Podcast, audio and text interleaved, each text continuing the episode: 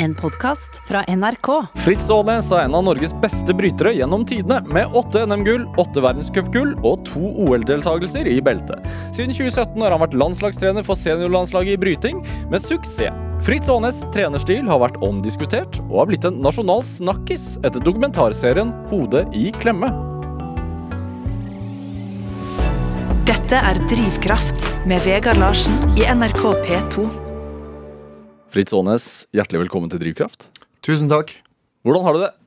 Du, jeg har det dritbra. Jeg har gått fra radiotrynet til TV-trynet nå, så det kler meg bra. Eh, Liker du det å være hva skal man si, nærmest hovedpersonen i en dokumentarserie? Ja, jeg bruker jo å si at det er min serie. ja, men Føler du det?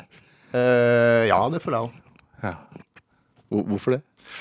Nei, det er fordi at eh, jeg er en sterk person som blir fremheva i den eh, eh, TV-serien. Og klart, det er jo Ledestilen min blir jo satt på spissen her og vist ganske tydelig, da, så det er vel litt annerledes enn mange andre stiler blant ledere. Ja. Det er litt sånn For å beskrive det, da. Serien Hodet i klemme har gått på NRK siste månedene. Følger det norske brytelandslaget, der du er trener. Og vi får et veldig sånn ærlig og ekte innblikk i hverdagen deres. Uh, være med på harde treningsøkter, turer til utlandet, reise mot OL, uh, som er den store drømmen for disse utøverne. Det det er gråting, banning, følelser, svette, blod, tårer. Altså det Ja, er- det er, altså, det er altså første sportsdokumentaren som er i Norge, og jeg mener jo det er desidert den råeste dokumentaren som har vært lagd med sport gjennom tidene i Norge. Og det er jo klart, den, den usminka versjonen som vi viser, har aldri blitt vist før. Og det er klart, det var jo en av kravene til han eh, Kim Peder når han eh, starta, og Hvem er Kim Peder? Kim Peder Ismyr, han som er ansvarlig og produserer den eh, dokumentarserien her for NRK, da.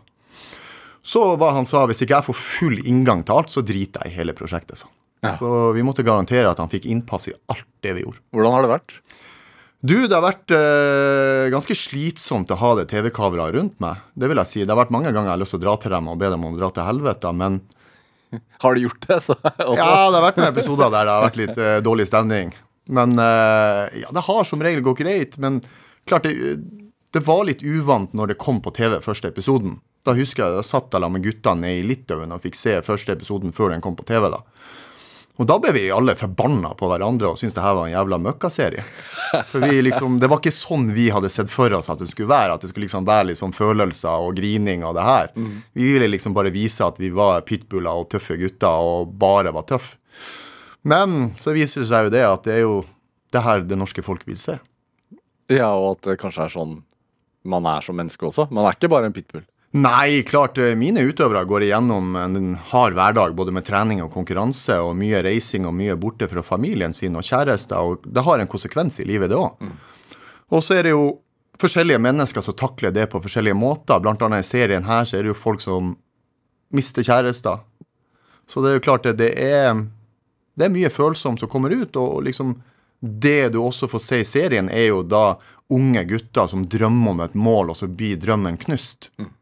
Og det er ganske tungt å, å vise på TV og skal snakke og vise hele Norge om de følelsene du har da når det går til helvete. For når det går bra, så er det bare deilig å snakke om det. Da er alt kult, og da syns alle du er high five. Men når det går dårlig å se baksida av sporten og medaljen, og han Morten Thoresen forklarer da når han ikke kvalifiserer seg til OL etter andre forsøket, da at faen, jeg har ofra hele kroppen, jeg har ofra helsa mi, jeg har 20 kutt i trynet, jeg mista fortanna mi, jeg føler meg helt ødelagt for det her. For ingenting. Men sånn er livet som en bryter. Og det er vel Livet til mange andre idrettsutøvere er vel ganske lik også, men de har ikke fått vist det i en TV-serie. Det er litt sånn, Jeg tenkte vi skulle Altså, jeg har et lite klipp fra serien. Uh, og, og til de som ikke har sett den, så er det egentlig ikke at jeg, jeg spoiler jo egentlig ingenting, fordi Det er jo Vi veit jo at eh, dere ikke kvalifiserte dere til OL. Ja. Eh, men, men det spiller jo en vesentlig rolle i, i serien, og, og etter at det ikke går, og det har vært Altså, hvor, hvor hardt hvor, hvor hardt vil du si at dere har trent? Oi, vi har trent så hardt og gjort så godt vi kunne, og vi har svetta blod for å, å liksom delta i det OL-et for at vi skal kun kvalifisere oss til det OL-et. Og det er klart det når koronapandemien kom inn, og det har vært en stor utfordring for oss. Ja. Klart, eh, i bryting så kan du ikke ha suksess med å skyggebryte. Det går ikke. Du må ha kroppskontakt.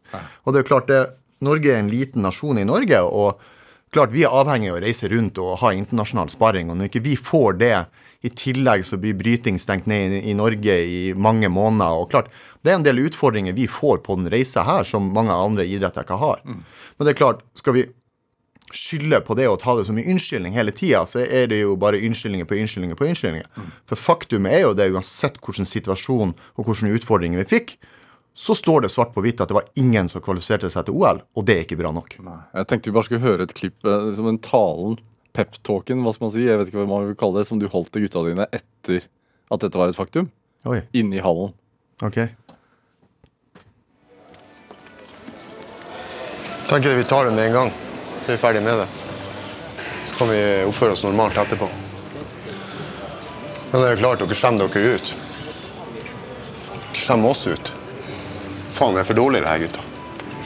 Det er noe å si at du har lyst til å kvale et OL. Nå må dere ha litt mer baller å gjøre det. Felix skal jo ha skryt på at han gir jo i hvert fall maks og hele hjertet på matta. Men vi må jo være så ærlige og si at det, er ikke bra nok. Det er første gangen i historien en norsk herrebryter ikke har vært i OL. Det er flaut, det, gutta. Det er faen ikke bra nok. Og det må være lov å være jævlig skuffa over dere, selv om jeg er glad i dere.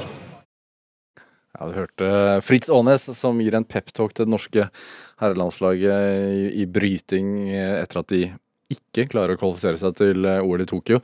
Er det Hvordan er det når du hører det nå? Uh, det er faktisk helt OK. Jeg har ikke noe problem med det, for det er jo egentlig bare det jeg sier, er jo egentlig bare brutal ærlighet og fakta. Ja, og dette er, Gutta har trent uh, mot dette i årevis, Det har de. og det er relativt harde gutter som sitter på den tribunen der, som gråter fordi det, det går ikke. Ja, det er klart det. Det er jo en, en Altså Når du mislykkes med ting, så, så er det skuffende. Og det er klart, Da får folk reaksjoner òg. Men samtidig så, så handler det litt om en ting også, at du må ta ansvar for egen utvikling. Og det er klart, det er helt OK å tape og ikke kvalifisere seg til OL, men i den siste OL-kvalen så ga de ikke 100 De hadde gitt opp før de kom på matta. Og så kan du gjerne være skuffende etterpå. Det forstår jeg også, men du har faktisk ikke gitt 100% Og da syns jeg ikke det er rettferdig av dem å ikke gi 100% for jeg gir 100% hele tida og ofrer hele livet mitt for at de skal lykkes. Og da forventer jeg det samme av dem, og det gjorde de ikke. Hvor, hvor beskrivende er, er den talen egentlig for ledelsesstilen din? Altså at du, du er hard og du er ærlig, men du og du legger ikke noe imellom. Du puser ikke med dem, men du sier også at du er glad i dem. Det gjør jeg. Altså, jeg var i en annen podkast der det beskrevet om eh, Fritz Aanes ærlighet med kjærlighet. Så det passer Å, det veldig bra til å, meg. Nydelig navn på en podkast. Ja, det var det. Ja, kanskje det er det. Kanskje det jeg skal starte med. Ja. Men er det eh, Hva er det som er mest fascinerende med bryting? Oi. øh, det som jeg liker mest med bryting, er jo egentlig det at vi er fra lille Norge og konkurrerer mot store verden. De fleste andre nasjonene er jo nasjonalsporter i. Det er annet hvis du ser på en, en innmarsj i, i, i OL, hvem som bærer flagga, flaggene, så er det flest brytere som bærer flagg. Fordi at i alle små av de øh, landene og store landene, både i Asia og Øst-Europa og hele den veien der, så er det mange plasser det er nasjonalsporter. Verden, også en av verdens eldste idretter. En av verdens eldste idretter også. Og så har du også det med at vi er liten, vi kjemper mot de store, vi har ikke samme bakgrunn, vi har ikke samme økonomi, vi har ikke samme kunnskap, vi har ikke nok trenere, vi har ikke nok penger. Videre og videre og videre og videre. Så, men det viktigste egentlig med bryting, som jeg syns er mest fascinerende, er jo det én mot én. Og når du står oppå matta der, når du vinner, så får du all æra. Men taper du, så får du all dritten. Du, Hvordan beskrive det? Hvordan er det å stå på matta før man starter? Eh, det er jo forskjellig fra utøver til utøver. Men for, for deg, du har jo gått noen runder sjøl. Jeg har gått en utøver. Jeg var jo en, en utøver som var veldig nervøs før kampene. Jeg hadde Hvordan arta det seg? Nei, det utarta sånn veldig ofte, så ble jeg blank i øynene og nervøs. Og det er ofte et dårlig tegn. Det ser du også i serien, da Felix får akkurat det samme før eh, en av OL-kvalene. Da jeg ser at faen, nå må vi gjøre noe, for nå er han blank i øya. Og jeg hadde veldig ofte det sjøl òg, med at jeg var så nervøs at kroppen din spenner deg. Mm. Du er du- så redd for å mislykkes at du blir så nervøs. Hæ.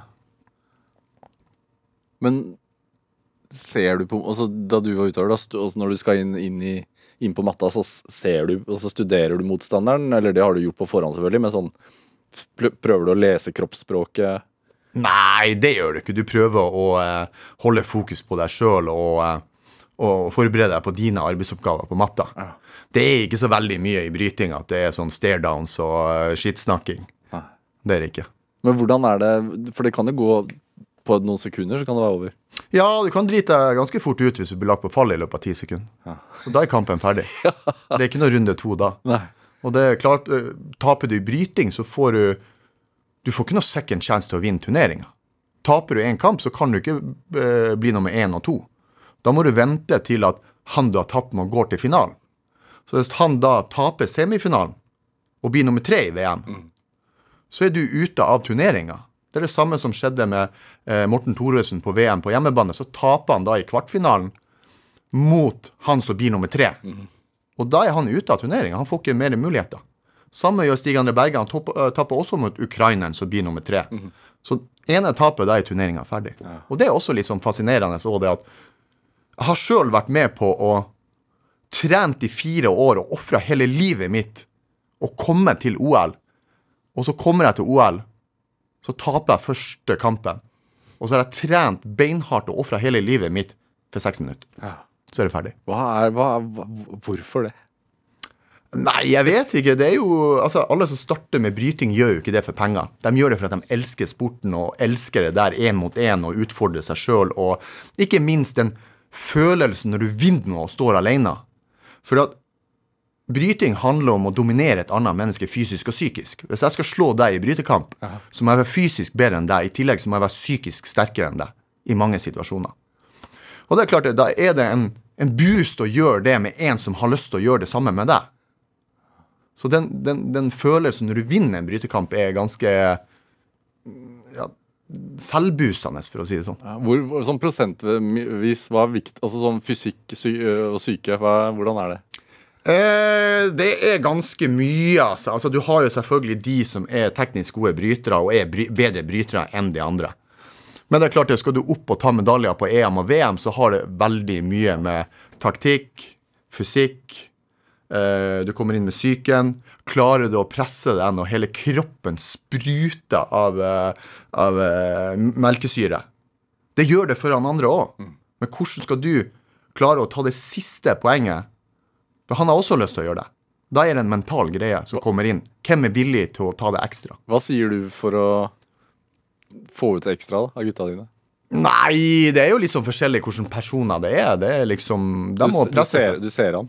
Jeg ser han litt for at det er litt forskjellige typer, men det er klart det. Jeg forventer at de legger igjen hele hjertet på matta. Og gjør du det, Hva vil det si? det vil si det at du gjør alt i din makt for å vinne den kampen. Altså, alt det du kan gjøre, det må du gjøre. Og hvis du ikke gjør det, så blir jeg forbanna. Dette er Drivkraft med Vegard Larsen i NRK P2. Og i dag er landslagstreneren for seniorlandslaget i bryting, Fritz Aanes, her hos meg i Drivkraft på NRK P2.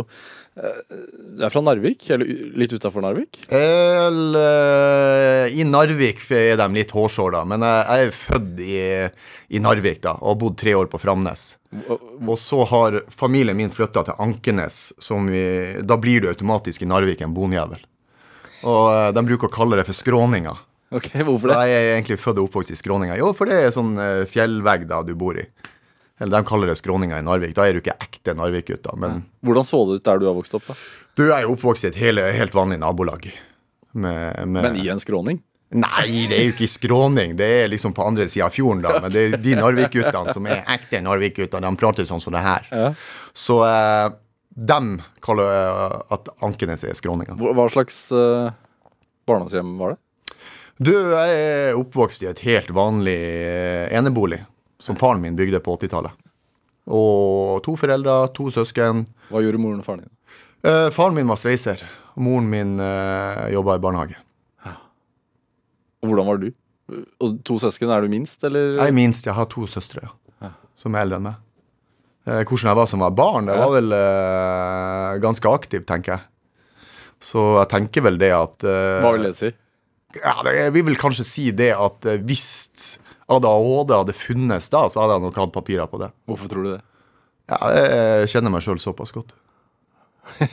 Mye energi. Ja, litt mye energi. Mye tanker. Ja, ikke så veldig mye tanker. Eh, ganske hard, men bestemt, kan du si. Som ung også? Ja, det er jo klart det. Det er jo, jeg hadde jo min idrettskarriere eh, som jeg ser som totalt mislykka. Ja. Klart, eh, Det, jo kom, det kommer jo seinere. Ja, det kommer jo senere, da. Ja. Men det er klart, jeg var jo som ung gutt Starta jo allerede som seksåring, ble kasta inn på bryting, da. Ja, hvorfor det? Det er fordi at eh, faren min var bryter, og onklene mine var bryter, og morfaren min var bryter, så det var fra begge sidene, da. Så det var liksom sånn i oppveksten så var det liksom Søstrene mine hadde ikke noe press på at de skulle bli brytere. Men det var ikke akkurat som jeg fikk velge. Husker du første gang du var i en, i en treningssal eller på en brytemåte? Ja, det husker jeg. Da var jeg seks år gammel. Ja, hva for, Da tok faren min med meg på bryting. ja, for han var aktiv da du Nei, han var ikke aktiv bryter da, han var tidligere bryter da. Ja. Hvordan var det? Eh, det husker jeg var fascinerende. Så jeg var ikke helt klar over hva det egentlig innebærte, uten at jeg hadde fikk min første brytedrakt da jeg var to år. Så jeg hadde jo surra med den i stua og brøtte med faren min og prøvde å banke søstrene mine og sånne ting. da. Så jeg skjønte jo hva bryting gikk ut på, men egentlig hva det var, det var jeg ikke helt innforstått med. Hvordan, også, hvordan er det å være fra en bryterslekt? For det er jo, du er jo det. Ja, det er. Hva, hvordan, altså, pratet dere om bryting? Altså, Hvordan preger det en familie? Det preger hele min familie. altså Hele, hele livet vårt var, var idrett, rett og slett. Eh, Søstera mi har også vært bryter i alle år. Lene Aanes. Og så har jeg eldre eh, søster som heter Marita Aanes, som spilte fotball og håndball. da, Som var bare litt innen brytinga. da. Men det er jo klart, det, familien vår reiste jo ikke så veldig mye på ferie på sommeren. Vi brukte jo alle pengene på å reise på bryteturneringer og treningssamlinger og sånne der. Så jeg har aldri vært i Syden på ferie med familien min. Det har jeg aldri vært. På samling? Uh, ja, i, i Nord-Sverige og Nord-Finland. Hvor hvor dro dere da? Nei, vi dro på treningssamling. Hvor hen? I Nord-Sverige og Nord-Finland. For Der var det ganske bra bryting. Så var vi på treningssamlinger der. Og så var jeg litt sånn i bunnen, vi spilte, Jeg spilte jo litt fotball òg, så vi var jo på noen sånn fotballturnering òg, da. Og da var hele familien med. Det var liksom det som var sommerferien vår. Og så eh, Vil du kalle Narvik en bryteby? Absolutt. Det er en veldig stor eh, bryteby med, med tradisjoner og veldig gode resultater. Ja. Hvor, vet du noe hvorfor det har blitt sånn? Nei, det har vel med kulturen i byen. Altså, Det har alltid vært eh, gode brytere i Narvik, og, og Narvik har alltid vært en bryteby. da. Og det er jo bryting som har levert eh, de største resultatene til eh, Narvik by òg. Det er ingen andre klubber i, idrettsklubber i Narvik som er i nærheten av de resultatene som bryteklubben har levert. Ble, ble faren din treneren din? Han ble treneren min når jeg var ca. ni år gammel, rundt der. Hadde du noe valg? Eller, Nei, eller måtte det bli bryting? Og, Ja, jeg husker det. Jeg husker uh, Søstera mi drev og brøyt samtidig som meg når vi var mindre. Og så slutta hun en periode, for hun surra med en annen. Og det var helt OK. Og så prøvde jeg å slutte en gang. Det var ikke OK. Så det fikk jeg ikke lov til. Hva sa faren din da? Uh, det var vel egentlig bare sånn uh, Treninga starter klokka fem. Pakk bagen din og er klar halv fem. Nei.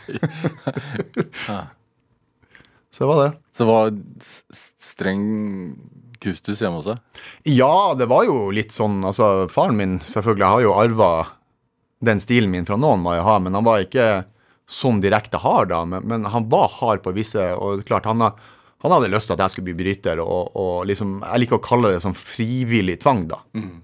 Så det var vel mer frivillig tvang enn at det var tvang, for jeg likte jo det òg. Men det er klart, visse perioder i ungdomstida så var ikke det akkurat det mest det du hadde lyst til å gjøre. Men klart, jeg hadde mye suksess med det òg, og, og det var det som drev meg videre. Når, ma- altså, ha, kan man ha et talent for det?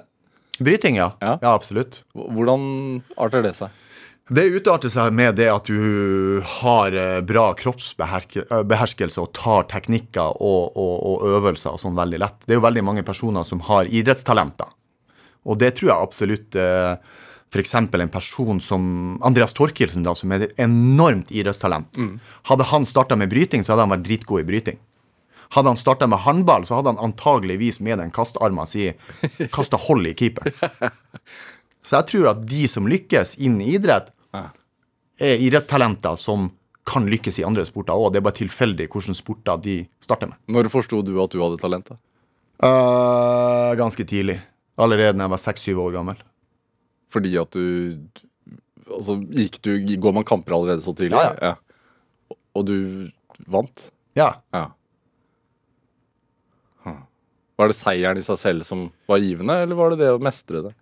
Nei, det er jo mestringsfølelse, absolutt. Eh, Det er jo det å, å dra på turneringer, og når du er yngre, så er du vel egentlig mer opptatt av å få den pokalen og vinne de premiene og sette opp på premiehylla som du har smidd på sløyden sjøl, som ser helt jævlig ut da. Men det er liksom det som driver deg da. Og så er det jo det at du, du behersker en ting, du er god i en ting, du får oppmerksomhet. Alle folk liker jo å få oppmerksomhet og ros for noe du er bra på. Hva sa faren din da når du vant? Uh, det var vel mer at han forventa at jeg skulle vinne. Er det Er det også en sånn, hva skal man si, eh, vinner, altså en slags sånn vinnermentalitet du hadde tatt med deg i din lederstil? Ja, absolutt. Det, er jo, det, det, er jo, det var som jeg nevnte tidligere, det er at det er OK å tape så lenge du har gitt 100 for da taper du mot en annen bryter som er bedre enn deg. Men hvis du ikke har gitt 100% og du taper, det er da jeg blir forbanna. For da taper du mot en du er en bedre bryter. Så det, så det, det er liksom ikke OK, da. Men gir du 100% og du taper en ærlig kamp mot en som er bedre enn deg, så er det OK. Men det er veldig mange mennesker som ikke gjør det. Er Jeg, synes det er en utrolig fascinerende idrett også å velge, i hvert fall i Norge, fordi hvor mye penger er det inne i, inn i bildet? Uh, det er nesten ingenting. Uh, et eksempel på det er jo Stig André Berge. Det sier jo hvilken person Stig André Berge er, da. Uh, når han tok OL-bronsen sin i 2016, så er han jo ganske tydelig på at han vinner ikke den medaljen her alene. Det er treningsgruppa som vinner den medaljen her. Og da får han en, en, en øh, bonus fra forbundet på OL i bronse på 25 000 der Stig André velger å gå opp da på scenen og takke for 25 000 i bonus. Der han sier det at denne medaljen hadde jeg aldri vunnet uten treningsgruppa mi. Så jeg bruker 15 av de 25 000 på fest på guttene. Så han satt igjen med 10 000. Og det at man da velger den idretten. For den jeg har sett dokumentaren, det er eh, Hvor mange økter er det i en uke? Ja, altså vi, vi reiser jo ca. mellom 150 og 190 dager i året. Kommer jo an på litt sånn eh, tidsperioder, da. Men eh, hovedsakelig rundt der, da. Og i tillegg til det, når vi er hjemme, da, så er det mellom 10 og 14 økter i uka de ligger på. Når, når du var tenåring og innså at og, og virkelig satset, da. Hvordan bestemte du deg for det? Nei, det var jo bestemt og bestemt. Jeg ble jo kasta inn i brytinga. Jeg fikk jo ikke velge, så jeg måtte jo bare bryte. Men eh, klart det, når du blir eldre og blir tatt ut på landslaget, ikke sant, og du får lov til å møte og trene med Jon Rønningen, så har det noe, og en effekt. Hvordan, når møtte du ham første gang? Og jeg husker jeg møtte han første gang som liten gutt. Og da jeg fikk autografen hans, det var Norgescup i Fauske. Og bussturen mellom Narvik og Fauske var da ca. på fem timer. Da kjørte Narvik atletklubb en buss ned med full buss for å få møte og oppleve og få autografen til Jon Rønningen. Det er sykt. Har du den ennå? Eh, nei, dessverre. Men det er klart, Jon Rønningen for meg er jo en legende. Altså, Hver gang jeg møter Jon Rønningen, så blir jeg starstruck. Og hver gang jeg møter han, så prøver jeg å få et bilde med han. Han er det, det er ennå, ja. Ja. Så han er det store forbildet mitt i idrettskarrieren min.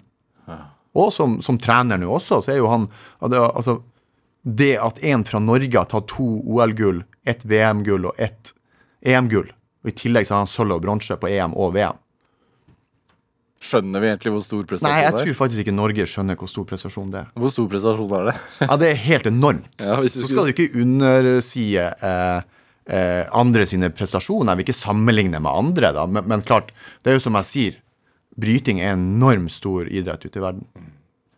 Er det eh, Du mista faren din ganske tidlig. Det gjorde jeg. Var det vanskelig Altså, hvordan jobber man med motivasjon etter det? For han har vært treneren din. Ja, han var treneren min i mange år. Han var jo øh, treneren min fra jeg var ca. ni år til jeg var 16-17, da. Så døde han da jeg var 18 år, da. Eh, klart det, I den tida var det han som alltid kjørte meg, var med på turer.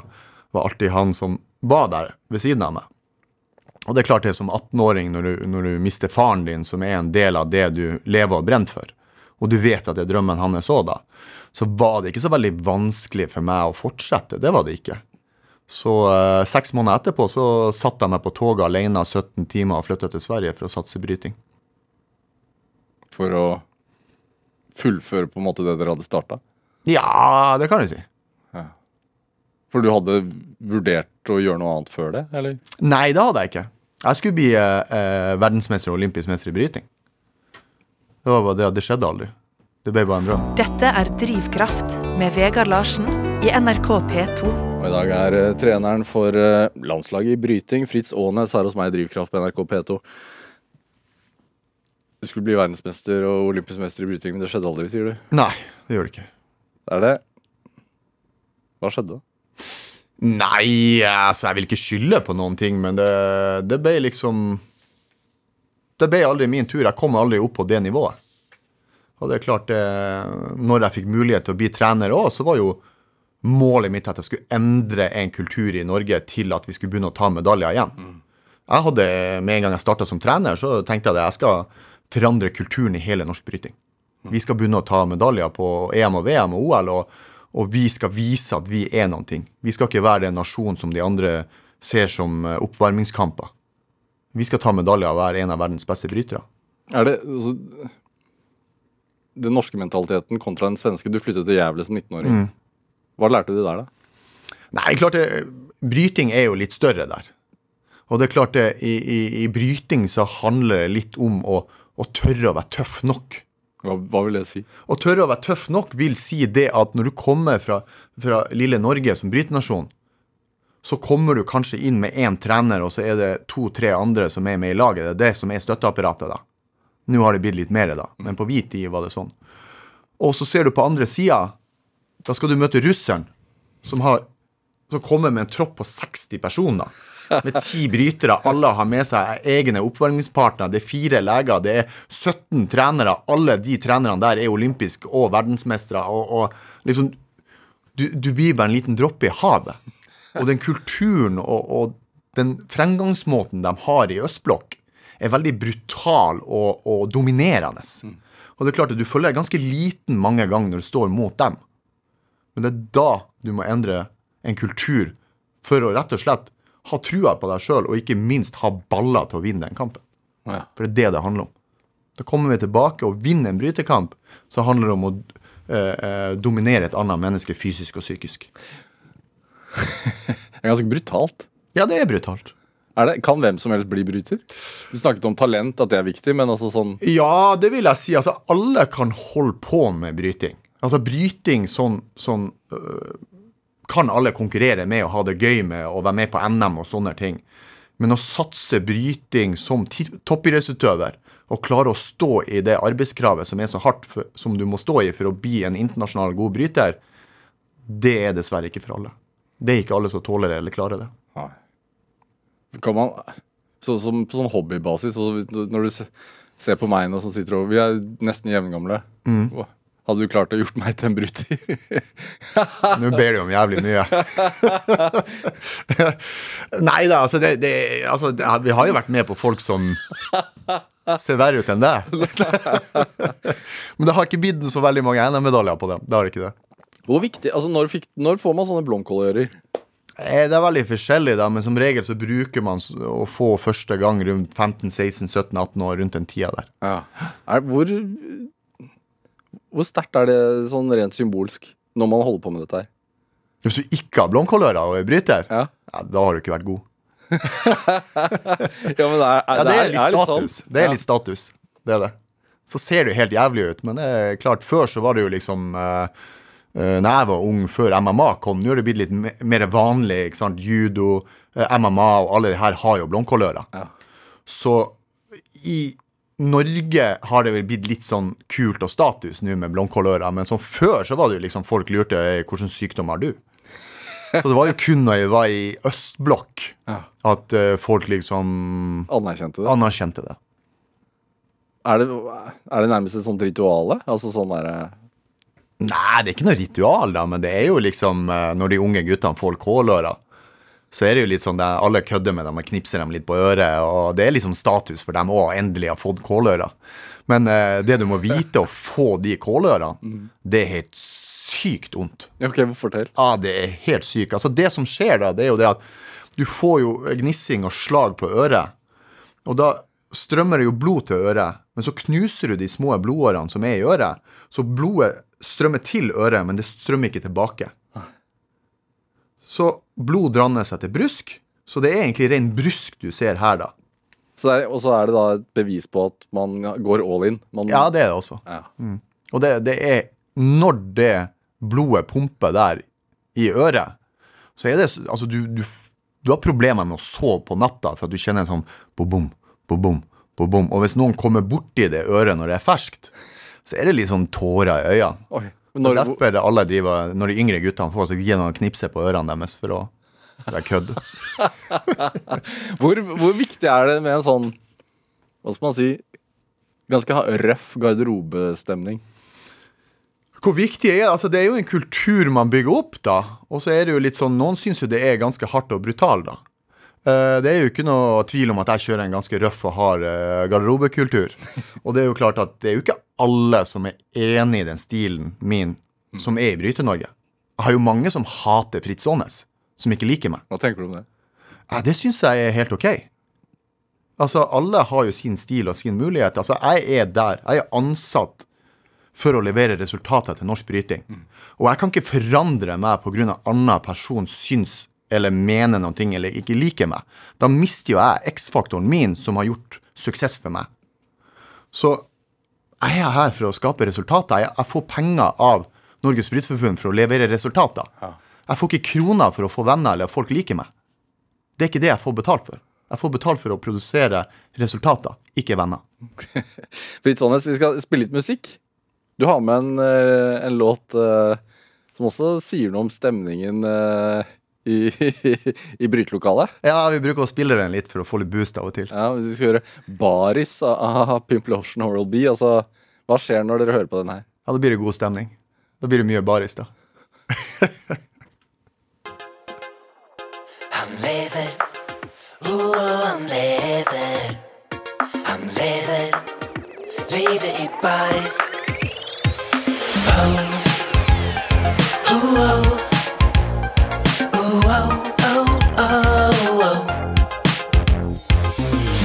Baris Jeltsin, lotion Brøndbo. Jeg er på kjøkkenet og koker opp noe gumbo. Sausen bobler, jeg kan bli skada. For på overkroppen har jeg på meg nada. Yup, jeg spiser Grandis i baris. Og jeg drar på puben Endis i baris. Og du ser meg kjøre Yaris i baris. Drømmen er å cruise i Ferraris i baris. Ja, jeg går på kino i baris. Blir nekta avgang til kasino i baris. Og jeg går skirenn i baris. Og jeg facetime med Chirag i baris. De ser meg som et idiotiske ikon. Jeg dropper T-skjorte hver gang jeg drar til Gardermoen. Yup, jeg kjører baris i security. Og jeg viser ingen tegn til insecurity. Han lever, og han lever. Han lever livet i baris. Han lever, og han lever.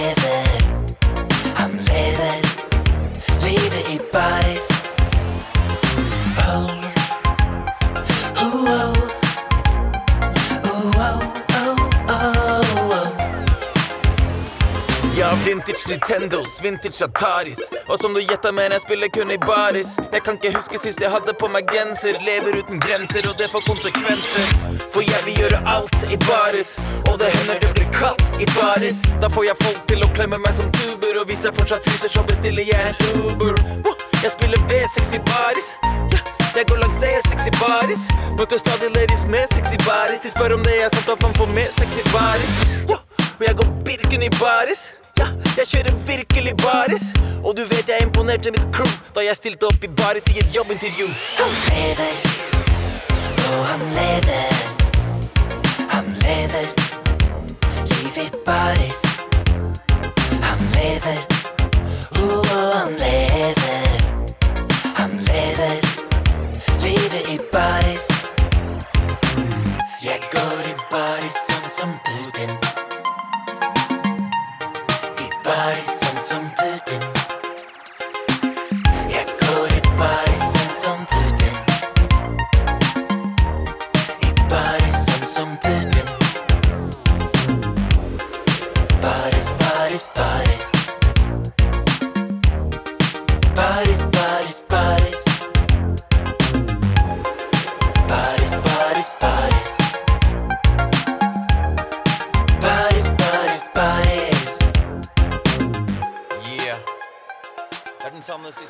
Ja, Du fikk Pimplotion og Oral B med låta Baris her i Drivkraft på NRK P2, valgt av dagens gjest her i Drivkraft, nemlig treneren for landslaget i bryting, Fritz Aanes. Din egen karriere. Um, vi, vi snakket om hvor du ville og sånne ting. OL, for eksempel. OL i Sydney. Hvordan, hvordan var det å jobbe seg dit? Oi, og bare å kvalifisere seg til et OL var jo eh, en lang drøm og mye hard jobb, og, og eh, ting som jeg ofra, da. Ikke sant? Jeg ble, blant annet dro fra all familie og alle vennene mine i Narvik og satte meg på toget 17 timer ned til Gävle for å satse bryting, og jeg hadde ingen venner der. Jeg kjente, jeg kjente én som trente i den klubben. Så det er klart, jeg forlot hele livet mitt og dro ned dit for å nå målene mine. Hva tenkte du på togturen? Husker du det? Oi, jeg husker på morgenen jeg gikk ut av perrongen der i Sverige. Så var det han som skulle hente meg. Jeg tror jeg kom dit klokka fem på morgenen eller noe sånt. Ja. Og så sto han ikke der og tok imot meg. Og da står jeg med tre bager med klær og lurer. Oi, det her var ikke noe morsomt. Og da ser jeg på andre sida, og der er toget retur til Narvik. Og jeg var ikke så langt ifra å gå på det toget og reise hjem igjen. Men så akkurat da jeg sto og vurderte det her, da, så hørte jeg en som ropte på meg. Og Hadde du da meldt din ankomst, og så, Ja, han var bare litt forsinka. ja. Det hadde skjedd noe. Og så trente du med klubben med ett mål for øyet? Hva var målet? Ja, målet er jo å bli verdens, verdens beste bryter. Ja. Hvor begynner man? Hvor man begynner? Nei, du må jo begynne med å møte opp på trening, da. Ja. Uh... det er den enkle måten å si Ja, det er ganske enkelt. Hvor hardt er det? Hvor hardt trena du? Oi, øh, du vet at Hvordan er det å legge seg på kvelden? å, du har vondt i kroppen. Ja. Du har eh, muskulaturen verker. Du har kanskje vondt i ryggen, du har kanskje en blåveis over øyet, og kanskje du har et blomkåløre som er ferskt. Eh, det er vondt å være bryter, og det er brutalt hardt. Det er som jeg bruker å si, at konkurranseformen i bryting er ikke det hardeste. Det hardeste i bryting er å stå i hverdagen og klare å gjøre arbeidskravet som kreves for å bli en internasjonal bryter. Det er det hardeste. Hver kveld når du legger deg, så har du vondt. Du sover mellom begge øktene for at kroppen må ha hvile. Og det er klart det, nesten i alle andre idretter så har du liksom høyintensitetstrening er ca. 20-30% Nå skal jeg ikke si det er bombastisk, men i mange idretter er det det. At det er 70% lavterskeltrening da. Mens i bryting er det motsatt. Er det mye endorfiner? Og så får man mye Får man et kick som, som gjør at det er verdt det? Eh, klart det, det er jo veldig tungt å stå i det, og du ser jo også på serien at guttene er nedkjørt og, og, og hater meg. Fordi at jeg presser dem til det ytterste. Og det er klart, i, i, i, i eh, TV-serien 'Hodet i klemme' så forteller jeg også om en eh, Morten Thoresen, han som skalla ut tanna si og, og har 100 kutt i trynet. Eh, første gangen han tok en internasjonal medalje, så var det bronse på U23-EM, tror jeg det var. Ja, det var det. Og da, når han vinner bronsemedaljen og går ned av matta, så ser han på meg og så sier han, fy faen, Fritz, jeg hater deg mange ganger, men nå elsker jeg deg. og det er jo akkurat de øyeblikkene der de lærer å stole på deg. Ikke sant? Fordi at det som jeg bruker å si til dem, og når jeg presser dem til det ytterste For vi er nødt til å tøye strikken. Hvor langt kan vi tøye den strikken her for at du skal bli bedre? Og det er klart, det er krevende for en ung utøver å tøye strikken så langt, for det gjør vondt. Og det er psykisk tøft. Så da får vi liksom se hvor langt kan vi tøye. Er det noe fellestrekk for de utøverne som, som velger å satse? Eh, nei, det er det egentlig ikke. Det er ikke fellestrekk, men vi har veldig De vi lykkes med, og mange av de beste, har veldig ofte litt bagasje med seg fra barndommen. Hvorfor er det sånn, tror du? Eh, det vet jeg ikke, men jeg tror også det har en grunn for at eh, bryting er en billig sport å drive på med. Det er lett, du får eh, blåst ut, du får tenke på andre ting, du får svetta, du får leke, slåss, bryt med andre personer. At det er Og så har vi utrolig mange eh, flinke trenere i Norge også som, som er flinke til å ta vare på barn. Fordi at jeg bruker å si det også det at i hvert fall innen in bryting, da, så å lære å kjenne en person med å være fotballtrener, da får du bare utsida av en person. Men når du er en brytetrener, så kommer du til å få se de svakeste punktene et menneske har i et liv. Og det er det som er litt fascinerende, syns jeg også, det at du lærer å kjenne andre mennesker der andre ikke har opplevd dem. Hvordan tar du det ansvaret, da? Ja, det er jo selvfølgelig Klart eh, Du prøver å være støttende, selvfølgelig òg, men det, det, de må gjøre jobben hvis de skal ha en mulighet til å lykkes. Og det er jo klart det, er veldig viktig for meg også å ta vare på utøverne mine også når de har problemer i livet. Så er det ikke sånn at jeg som trener kan ta vare på 14 stykker. Det kan jeg ikke. Eh, men det er noen du kommer nærmere med andre. ikke sant? Jeg har jo for eksempel, jeg har noen historier med Stig André Berge, bl.a. når mora døde, faren ble satt i fengsel. Eh, den episoden der var jo utrolig følelsesmessig for meg òg som trener. Der jeg gikk igjennom i over et år før OL, der Stig ville bare konsentrere seg om å ta den medalje i OL, og så ramla hele livet for han utfor matta. Og det er jo klart det. Han har nå som er nå eh, gifta, Roselda, som er kona hans nå, som var utrolig viktig støttespiller for han, da. Og som jeg brukte veldig mye, og hvordan vi skulle kontrollere han Stig i hverdagen. Hva er det han trenger nå? Jeg kunne ringe og sende meldinger, f.eks. Eh, hvordan er han nå? Han kommer på trening om én time. Hvordan er humøret hans nå? Er han klar for å trene, eller er han ikke klar for å trene? Så det, du må litt under huden på dem òg, på visse ting også. Og det er jo klart det Et menneske som viser deg sånne følelser òg, det er jo veldig lett å få sympati for dem, da, og du vil at det skal gå bra med dem både i livet og på matta. Er det lett for deg å vise følelser?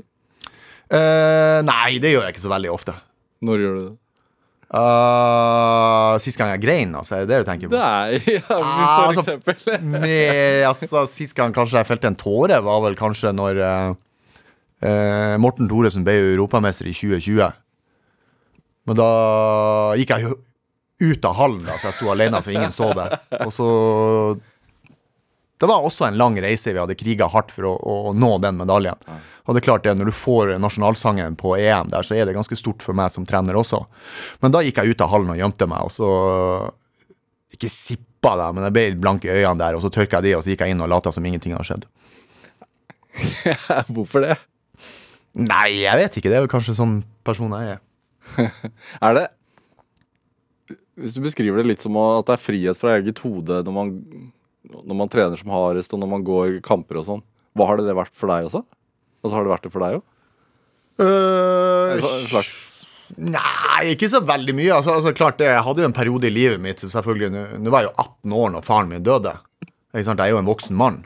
Men det er klart jeg brukte jo trening da som terapi til meg sjøl for å eh, Nå drev jeg jo på med bryting òg, og det er klart det, det passa meg veldig bra, og det passa også Stig André Berge veldig bra å få den friheten å trene og henge med gutta.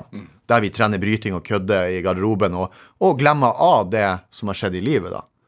Så jeg er, jo, jeg er jo for det at den beste terapien med alt i livet ditt er trening. Uansett om det er bryting, sykling eller hopping, eller uansett hva du gjør. Så lenge du er i aktivitet, eller rett og slett gå tur i skogen. Det er den beste terapien mot alt i verden. Er det Altså, OL i Sydney, vi begynte jo å prate litt om det. Altså, du, du reiser dit, kommer på fjerdeplass, som er en Det er en litt kjip plassering å ha, Ja, det er det. men det er en veldig bra plassering også. Ja, egentlig. Hva, Klart det er jo surt når du ikke tar deg medalje. ja. Men Hvordan var det? Nei, altså pff, Det var jo egentlig For meg så var det jo eh, eh, et gjennombrudd. Jeg hadde jo trent hele livet og ofra hele livet mitt for å komme til det OL-et. Og det er klart eh, Det å kvalifisere seg selv er jo et, et nøkkelhull, liksom. Ja. Ja. Og, og klart, eh, det var jo muligheten for en ung gutt som hadde ofra hele livet sitt for å bare komme til OL. Og det er klart, i brytingen er det ofte sånn at du må til et OL for å få oppmerksomhet før mediene ser på deg. Så det her var liksom muligheten i livet mitt til å skinne. Så hadde du spist feil kosttilskudd. Ja, og så uh, blir jeg jo nummer fire, da, og så tre dager etterpå så får jeg en positiv uh, dopingtest. da. Og det er jo klart det som 22-åring da å få den i trynet, og du føler det urettferdig, og du får svar på at det er et forurensa kosttilskudd som du har fått av sponsoren din, og sånne ting, da. Eh, hele livet ditt ramler jo sammen. Klart, du har jo ofra hele livet, da.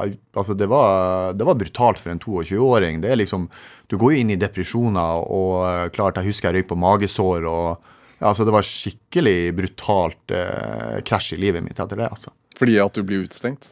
Ja, det er klart det. Og ikke minst, jeg, jeg følte jeg ble stempla som, som jukser, da, og jeg mente det var uh, ikke min skyld, da. Tror du det hadde skjedd i dag? Eh, det skjer jo i dag òg, Ja. at folk blir tatt for forurensa kosttilskudd. Og det skjer jo masse dopingsaker der jeg tror mange utøvere er uskyldige òg. For det er veldig mange produkter og eh, preparater som er lovlige, men som inneholder ting som ikke står på boksen. Det er utrolig mange saker av det. Og jeg vet at Antidoping Norge sliter jo med det. Det er jo det som er flest nesten dopingsaker i Norge, er forurensa kosttilskudd og produkter. Og det er jo trist å høre eh, at det er flere som må gå igjennom det jeg gikk igjennom. Henger det fremdeles ved deg, eller er det, føler du at det er, Nei, jeg er kommet videre i livet, da, men, men det er jo egentlig pluss for meg at jeg har kommet til hodet i klemmen nå. For da blir jeg jo huska som han gærne treneren som er der, istedenfor å bli gjenkjent 20 år etter en dopingsak som han bryteren som blir tatt i doping. Så det kler meg bedre å være han gærne treneren. Hvordan reiser man seg etter noe sånt? Oi, det er veldig vanskelig.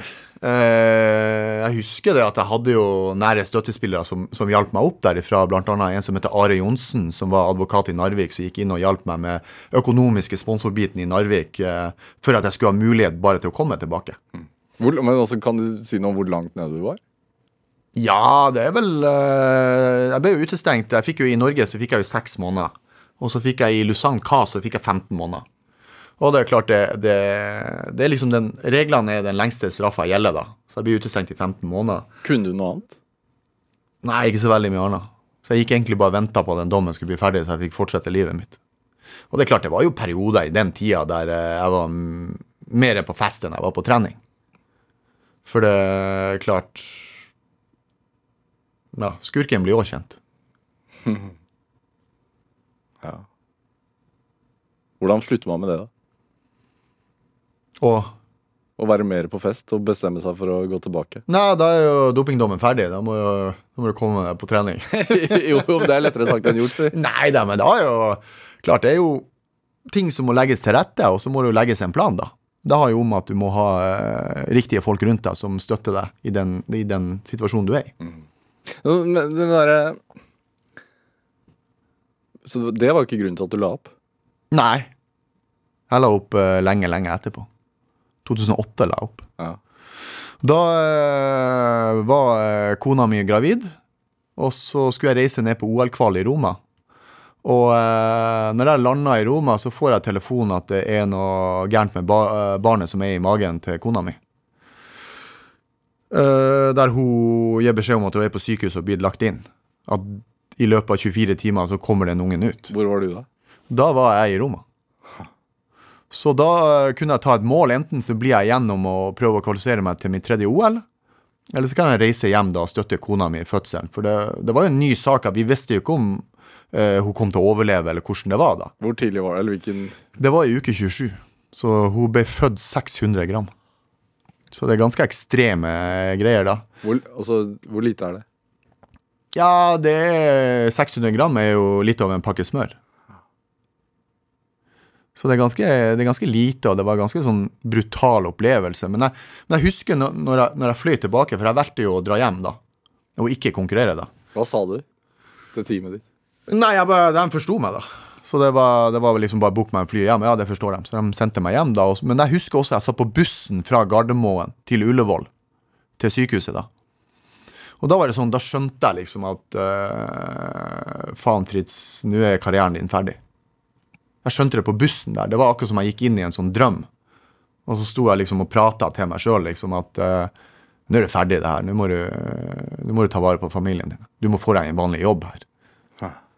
Så eh, ja, Det endte opp at vi var på sykehuset og bodde der nesten i to måneder, da, før vi kunne ta dattera med oss hjem. Så det ble lykkelig slutt allikevel. Hvordan var det å holde henne for første gang? Oi, det var veldig spesielt. Jeg har et bilde på Facebooken min der jeg står med begge hendene mine inni i kuvøset. Der jeg feller hendene sammen, og hun passer inn i hendene mine. Jeg, jeg husker eh, litt etterpå så kom hun ut av kuvøsa. Og da husker jeg at jeg har et bilde hun ligger på brøstet mitt, og da tar jeg gifteringen min og trær den på overarmen hennes. Så det er faktisk så lite. Men det som skal skryte av i Norge, det er jo, det er jo en av verdens beste eh, på premature barn og tidlig fødte barn. Så det gikk bra. Så det gikk kjempebra, og, og jeg er så takknemlig for at jeg bor i Norge, og at vi har den kunnskapen, og ikke minst at når du går ut derifra, så er alt gratis. Det er sjukt å tenke på. Men er bryter, hun da? Eh, hun har vært litt innom brytinga, nå har hun bytta over til skateboard. Så det er derfor jeg også skater litt. Så det er liksom sånn eh, pappa-datter-ting vi har funnet i lag, det er skateboard nå. Er det altså, Vet ikke om jeg har lest deg rett, altså, men jeg har inntrykk av at du som ung mann var ganske innstilt på å bli verdens beste bryter. Ja, jeg var det. ja, og trente hardt for det og var en harding, holdt jeg på å si. Hva Mhm. skjer, hva skjer, med, skjer med deg når du får barn? Nei, det er klart du forandrer deg litt. Du gjør jo det, da. Eh, du begynner jo å tenke litt annerledes, da. Men eh, klart det er en du, du tar jo liksom ja, Med en gang jeg fikk barn, så slutta jeg jo der å kjøre for fort. Da blir det plutselig at de som kjører for fort, det er jo bare idioter. Ikke sant? Så sånne ting da forandrer du deg. Men Sykkelhjelm? Uh, ja. Ja. Det er faktisk det òg, ja. Men det er klart, det, det er jo andre ting i livet som du må prioritere òg. Det, det har jo en konsekvens av eh, familielivet, det å være landslagstrener og trene Prioritere utøverne dine mange ganger foran familien. Jeg har jo litt spesielt, da eh, Jeg var Hver gang jeg har vært ute og reist, så bruker jeg å være med dattera mi på et kjøpesenter. Det er liksom sånn dårlig samvittighet fra min side. Vi bruker å ta litt eh, enten McDonald's eller på kafé, og så får hun shoppe litt, og så er vi i lag, da. Eh, Vi var på Strømmen storsenter etter en sånn reise, og jeg gikk i korridoren bort igjennom. Og så var det, jeg tror det var enten han Stig eller Morten som ringte meg. Så det var litt sånn telefoner, det var noen beskjeder, det var noe kaos der som jeg måtte rydde opp i. Så hun blir hengende litt, eh, bakom, da, og jeg går en stund, og så rusler jeg bort, og så ser jeg bak meg, og så er hun borte. Da er jeg, shit, hva skjer nå? Så du er på et kjøpesenter. Så jeg begynner å kikke meg rundt, og så begynner jeg å gå litt tilbake, og så ser jeg henne stå langt borte i gangen der og prate med en helt fremmed mann. Tenkte jeg, hæ? Hva er det slags fyr? Liksom, det står en fremmed mann og prater med dattera mi. Så jeg rusler bare ganske sånn nært opp i trynet hans og slår ut armene og liksom bare OK, hva som skjer her? Der dattera mi sier 'Hei, pappa, møt på læreren min'. Så han hadde jeg aldri møtt før, før da. Nei. Hm, og det, ja. Er det Du sier jo også til gutta dine sånn eh, Du gjør dette 100% eller så slutter du fordi at jeg vil også at du skal ha et liv ved siden av. Ja. Det, det er veldig viktig for meg at, at hvis du skal drive med en sånn her idrett, da, så er du nødt til å trives og ha fremgang. Og, og kroppen din må fungere. Og hvis du ikke trives i det, så skal du ikke gjøre det. Og det er også det hvis ikke helsa di er bra nok til å holde på med det her. For det er ikke noe tvil om at, som vi prata i sted, du tøyer strikken så langt. Og da er det visse ting som kan skje i livet. Det kan oppstå skader, samlivsbrudd, det kan være ting som skjer med dama di. eh, Det kan være masse ting som skjer i livet. Og da må du være Du må trives med det du gjør. Og hvis du ikke gjør det, så er det ikke verdt det. Vanskelig å kombinere med en annen karriere. Ja, det er veldig vanskelig. Altså, Bryting er sånn at enten må du ha 100% fokus på det, eller så kan du drite i det. Hvis du studerer 50% og 50% bryting, så blir ikke det bra. Ikke? Da blir det ikke bra på studiet, for det blir bare 50% eller det blir ikke bra på brytinga, så blir det 50 Da er det bedre heller å si at enten går du 100% på bryting, så blir det bra, eller så går du 100% på studiet, og så blir det bra. Og så noen ganger er det jo bra at man har litt studie på sida for å tenke på andre ting. Det er jeg ikke imot, men bryting må være pri én i livet. Det du skal lykkes med i livet, er det du må prioritere mest. Og så er det valgfritt. Ja, det er valgfritt å være på eh, landslaget. Det er veldig mange som har lyst til å være med, men det er veldig få som har lyst til å gjøre den jobben som kreves for å bli best. Er det, tenker du sånn, sånn Hvis man tenker sånn ledelsesfilosofisk på det, og sånn ledelses, det, ledelsestankegangen, er den overførbar til andre sider av, av samfunnet, tenker du? Ja, det tenker jeg jo. Det handler jo om, om, om, å, om å, å ville å sette seg mål og er villig til å ofre noe i livet for å få en betaling, eller for å oppnå noen ting. Og det er jo klart det, hvis, hvis det, Mange av de beste forretningsfolkene er jo ganske harde i møter, de òg, og direkte og ærlig. Det er jo, altså det, det er jo Mange kanskje syns jeg er for hard, men du må ikke glemme det at jeg sitter jo i møter med de utøverne her og spør OK, hva er drømmen din? Jeg skal bli olympisk mester. OK. Er du villig til å gjøre den jobben som kreves? Ja, sier alle. Og når de ikke gjør den jobben, så er det jo jobben min å si til dem, vet du hva? Det her blir du ikke olympisk mester. Her må du gjøre en bedre jobb, eller så må du ofre noe mer, eller så må du jeg, jeg, jeg må kreve av deg, for du har jo sittet og sagt til meg at du er villig til å gjøre jobben. Da må du gjøre den jobben. Hvis ikke så sløser jeg tida mi her. Hvordan er du hjemme, da, med kona? Eh, det er vel litt annerledes. Det er vel kanskje dattera mi som er sjef der. Eh, Fritz Aanes, eh, hva, hva, tenker du er drivkraften din om dagen? Det en, Om dagen ja? Oi, drivkraften min er egentlig som trener er jo egentlig å, å få norsk bryting til å bli best mulig og ta mest mulig medaljer. Det er å få bryting opp på et enda høyere nivå enn vi er nå, med at vi bygger flere som tar medaljer, jevnere resultat og enda mer suksess. OL 2024? Absolutt. Hva hvis man ikke kvaler seg da? Uff. Det tør jeg ikke tenke på engang. Britt Aanes, tusen takk for at du kom hit til Drivkraft. Takk, takk. Hør eh, flere samtaler i Drivkraft på nrk.no, i NRK-appen, eller last oss ned som podkast. Send oss gjerne ris og ros og tips til mennesker du mener har drivkraft. Send den e-posten til drivkraft, krøllalfa, nrk.no. Vi hører gjerne fra deg. Produsent og researcher i dag, det var Tobias Brynildsbakken Huse. Jeg heter Vegard Larsen. Vi høres. Du har hørt en podkast fra NRK. Hør flere podkaster og din NRK-kanal i appen NRK Radio.